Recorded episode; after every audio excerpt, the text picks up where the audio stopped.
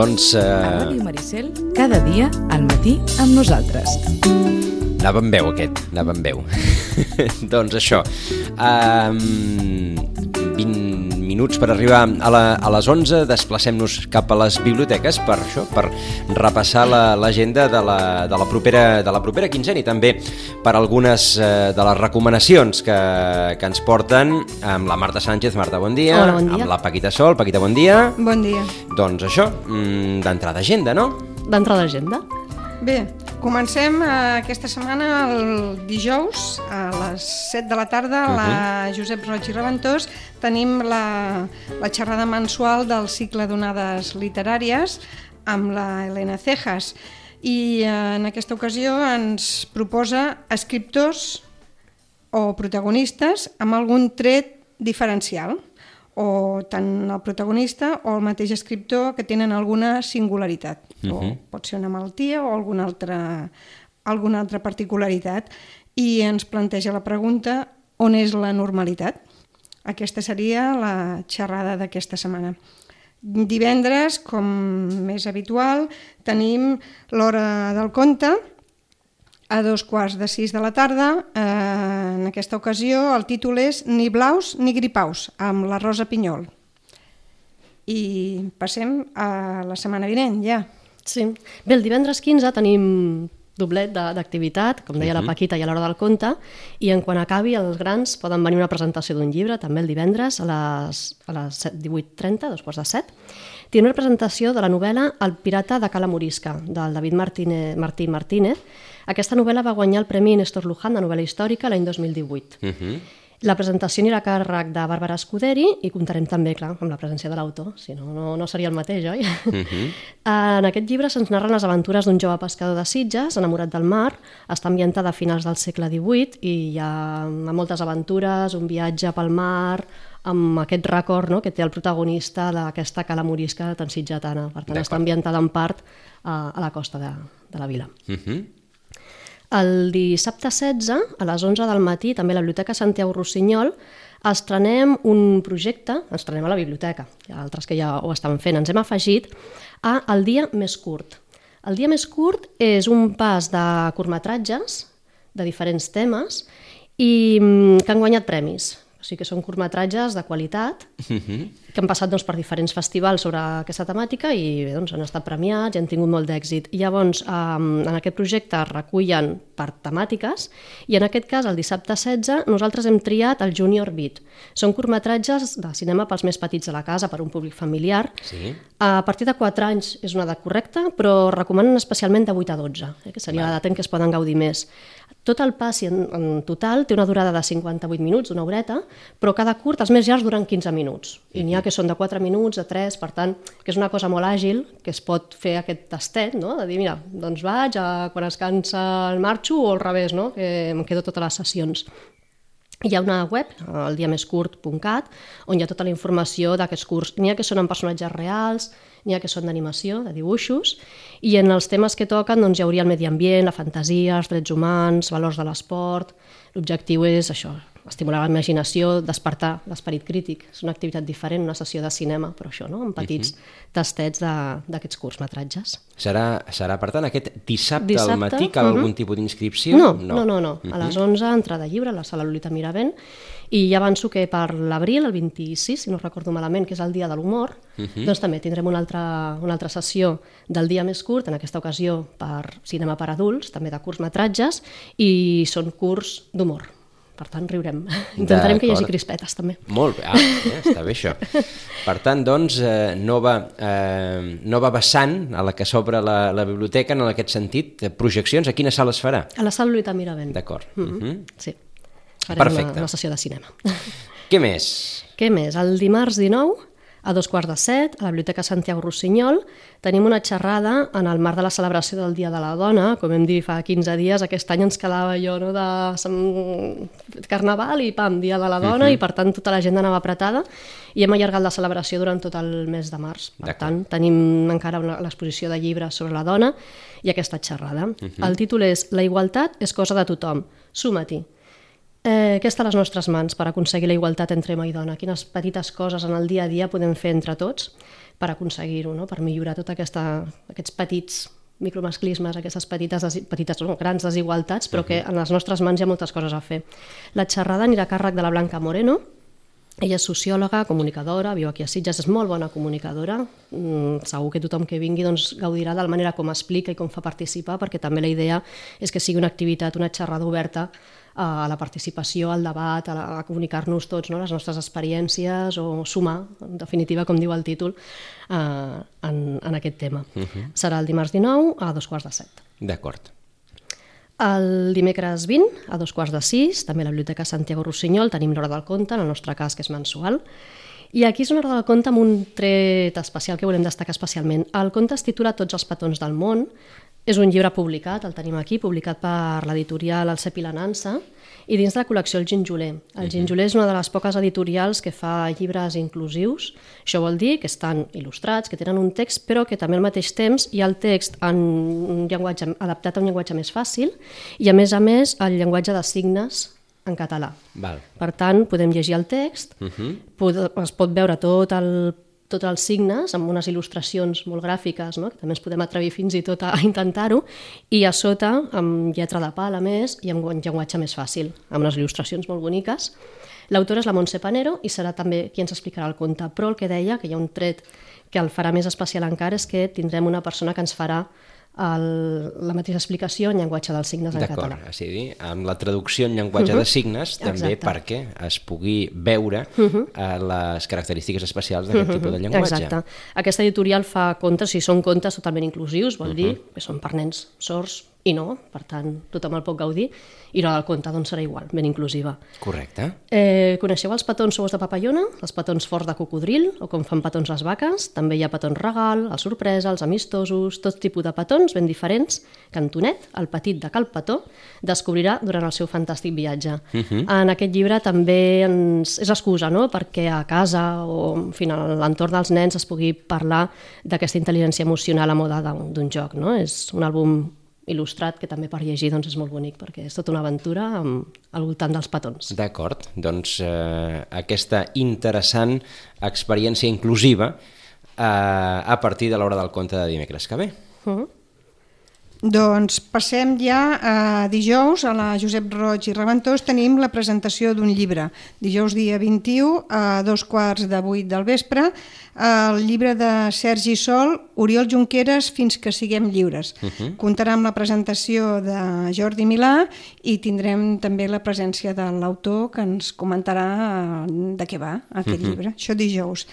Divendres tornem a tenir Hora del Conte a la Roig i Reventós a dos quarts de sis, en aquesta ocasió amb Blai Sanabra i contes d'animalons i bestioles.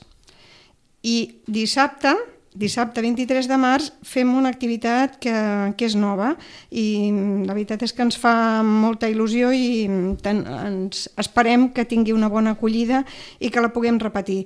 Uh, és adreçada a adults, adults i tant si són pares com formadors com qui vulgui entrar en el que és el foment de la lectura per als infants d'entre 6 i 12 anys. El títol és Els riscos de saber llegir. És un mm. títol que va en segon sentit, evidentment. I ens la farà aquesta xerrada, aquesta, aquest taller, la Judit Navarro. Ella és, eh, quan a formació és llicenciada en dret, eh, és màster en biblioteca escolar i promoció de la lectura, postgrau també en foment de la lectura, especialista en, en mim corporal dramàtic i teatre físic, i ara mateix doncs, es dedica al foment de la lectura a través de la narració oral, intèrpret i docent de teatre físic i gestual i l'expressió a través del cos i la narració per infants, adolescents i adults. Eh, ella eh, s'ha proposat doncs, mm, treballar per aquesta gran aventura i, i aquesta gran tasca que és eh, promocionar la lectura entre els més petits uh -huh. i en el, la presentació d'aquesta activitat ens diu que saber llegir i gaudir d'autonomia lectora són verbs diferents. Arribar a sentir l'encantament de la lectura requereix sovint córrer una cursa de fons, dosificar-se i no retirar-se. I la pregunta és de quina manera podem acompanyar els nostres infants en aquest camí tan fàcil d'abandonar. D'acord. Doncs una proposta per adults, però pensant en els infants i amb la seva formació lectora. Dissabte 23 de març a les 11 del matí a la Josep Roig i Reventós. Tan important és saber llegir com entendre el que es llegeix. Més coses. Més coses. Un dia enrere, el divendres 22, també dos quarts de sis, a la Biblioteca Santiago Rossinyol, una altra estrena. Uh -huh. Fa sí, dos mesos que vam començar amb, amb l'hora del joc, sí. eh, amb, amb el, el Dau Ferrat, i volíem fer un pas més enllà i intentar proposar una activitat també per adolescents, aquest públic que costa, que costa, però que allà hi són i també han de trobar el seu lloc a les biblioteques.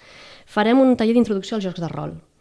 Llavors també la idea és cada trimestre fer una activitat amb jocs adreçada a aquest públic a partir de 12 anys. Potser en, algun, en alguna d'aquestes sessions doncs, fins i tot podrem pujar una miqueta l'edat, uh -huh. però bé, en aquest cas serà això, a partir de 12 anys.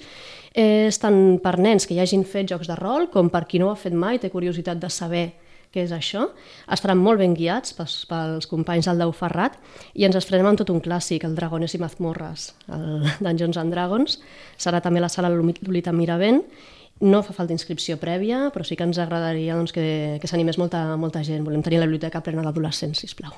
Ah, doncs eh, Dragones i Mazmorras, uh mhm. -huh. com dèiem, un clàssic dels, sí. dels jocs de rol. Uh mhm. -huh. I... I només volíem destacar dues exposicions. Sí. Una que és escrites, impreses i llegides, mostra de llibres sobre dones, feminisme, igualtat de gènere. Aquesta exposició està a les dues biblioteques fins uh -huh. al mhm. dia 20 de març n'hem portat uns i ara dona temps el I comentem, tant. si no doncs ja els tenim esperant sortir en préstec, que n'estan sortint de fet, perquè uh -huh. és mhm. això, no? I quan treus llibres sobre un tema de, de la prestatgeria mm, despertes la curiositat i uh mhm. -huh. evidentment despert, mm, sí, criden l'atenció.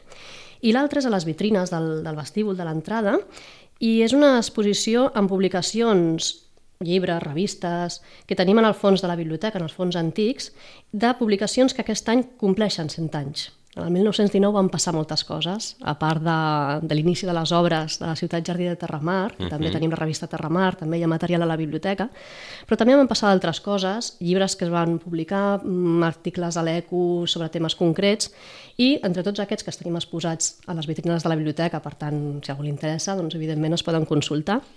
Entre tots aquests volia també destacar que aquest, aquest 2019 fa 100 anys d'una de les composicions més celebrades a Sitges. El compositor Antoni Català va guanyar el premi de la Festa de la Sardana amb la processió de Sant Bartomeu, aquesta sardana que va seguint no? tot el seguici, els balls, els entremesos de la Festa Major, que només amb les primeres notes, això de pell de mhm. gallina, doncs funciona molt bé amb aquesta sardana. Doncs, doncs fa 100 anys. 100 anys aquest uh -huh. any. Tenim allà la partitura, la per tant són curiositats de publicacions que aquest any fan, fan el seu centenari. Interessant.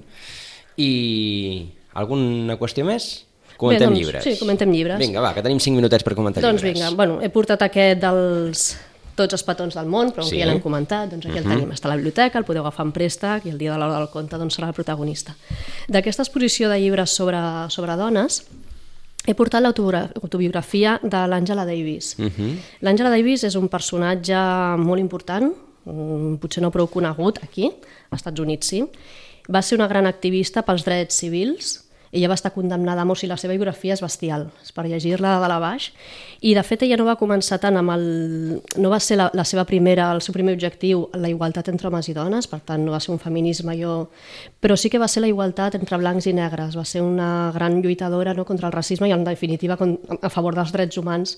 Es va donar això, no, que la igualtat entre persones, entre blancs i negres, que era el tema uh -huh. que en aquell moment doncs, més afectava, eh, no, podia, no es podia fer real si no hi havia també igualtat entre homes i dones. Una cosa, evidentment, li va portar l'altra, perquè és això, no? estem parlant de respecte i de drets humans.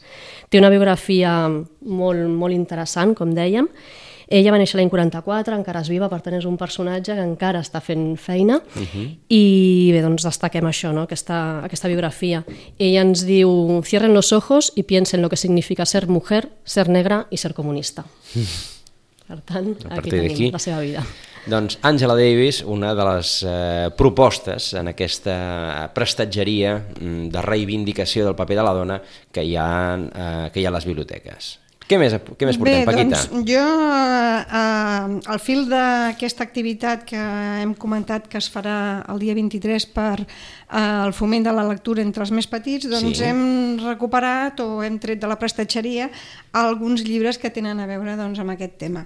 Tenim la lectura entre el paper i les pantalles, un tema doncs, que ens, ens posa en la realitat de que internet eh, domina o s'ha incorporat d'una manera eh, aclaparadora a la nostra vida i la lectura, la lectura tal com l'entenem o en el paper tradicional que estàvem acostumats, doncs és difícil de fer-la conviure amb aquesta realitat. Uh -huh. Doncs aquesta és una proposta per reflexionar sobre aquesta, Cada aquesta cop- realitat i eh, aquesta dificultat de conviure, de fer conviure la lectura en el món internet. Uh -huh. val?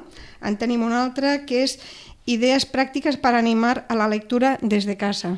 Interessant. És també una tasca que correspon a, als, als pares, Pares i mares mares que i preocupats per- avis Exacte. i de més. Val? perquè es comenci, perquè es comenci a llegir des de ben petit, perquè s'agafi El- l'hàbit. Evidentment, des de Mhm. casa és d'on s'ha d'educar en molts aspectes i la lectura no és un menys. Mhm. En tenim un altre que és una mica més antic, La màgia de llegir, però que ens diu coses tan interessants ja que, que mm, és difícil intentar convèncer algú que la lectura és més divertida que la televisió o més emocionant que el cinema. Mhm. Llavors, doncs, com ho, fem, com ho fem anar?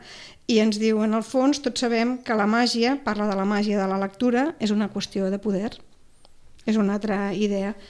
I en tenim una altra que és del gran Emili Teixidor, gran i recordat Emili Teixidor, que a part del seu gran èxit amb novel·les, doncs també ha fet, va fer llibres per infants i llibres sobre educació.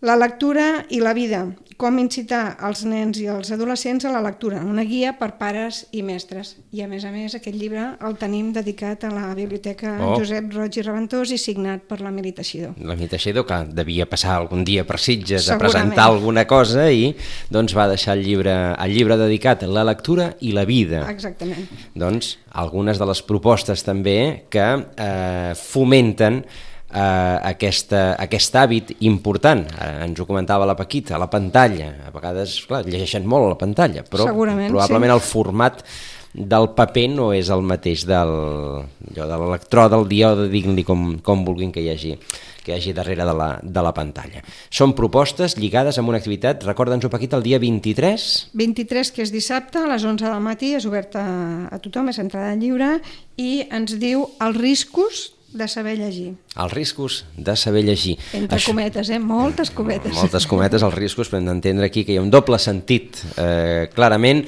doncs aquesta activitat, moltes activitats per les properes dues setmanes, les hem, les hem pogut en repassar, alguna novetat, això, eh, la, la qüestió aquesta del, del dia més curt, que ens ha Exacte. cridat molt l'atenció, uh -huh. aquestes, o per exemple, doncs això, aquesta activitat adreçada als adolescents uh -huh. sobre els jocs de rol, algunes de les eh, propostes interessants, a més a més d'hores del conte, presentacions de llibres, dels propers 15 dies a les biblioteques. Paquita, Marta, moltíssimes gràcies. Gràcies. Gràcies a I fins d'aquí a 15 dies. I a tots vostès ho deixem aquí.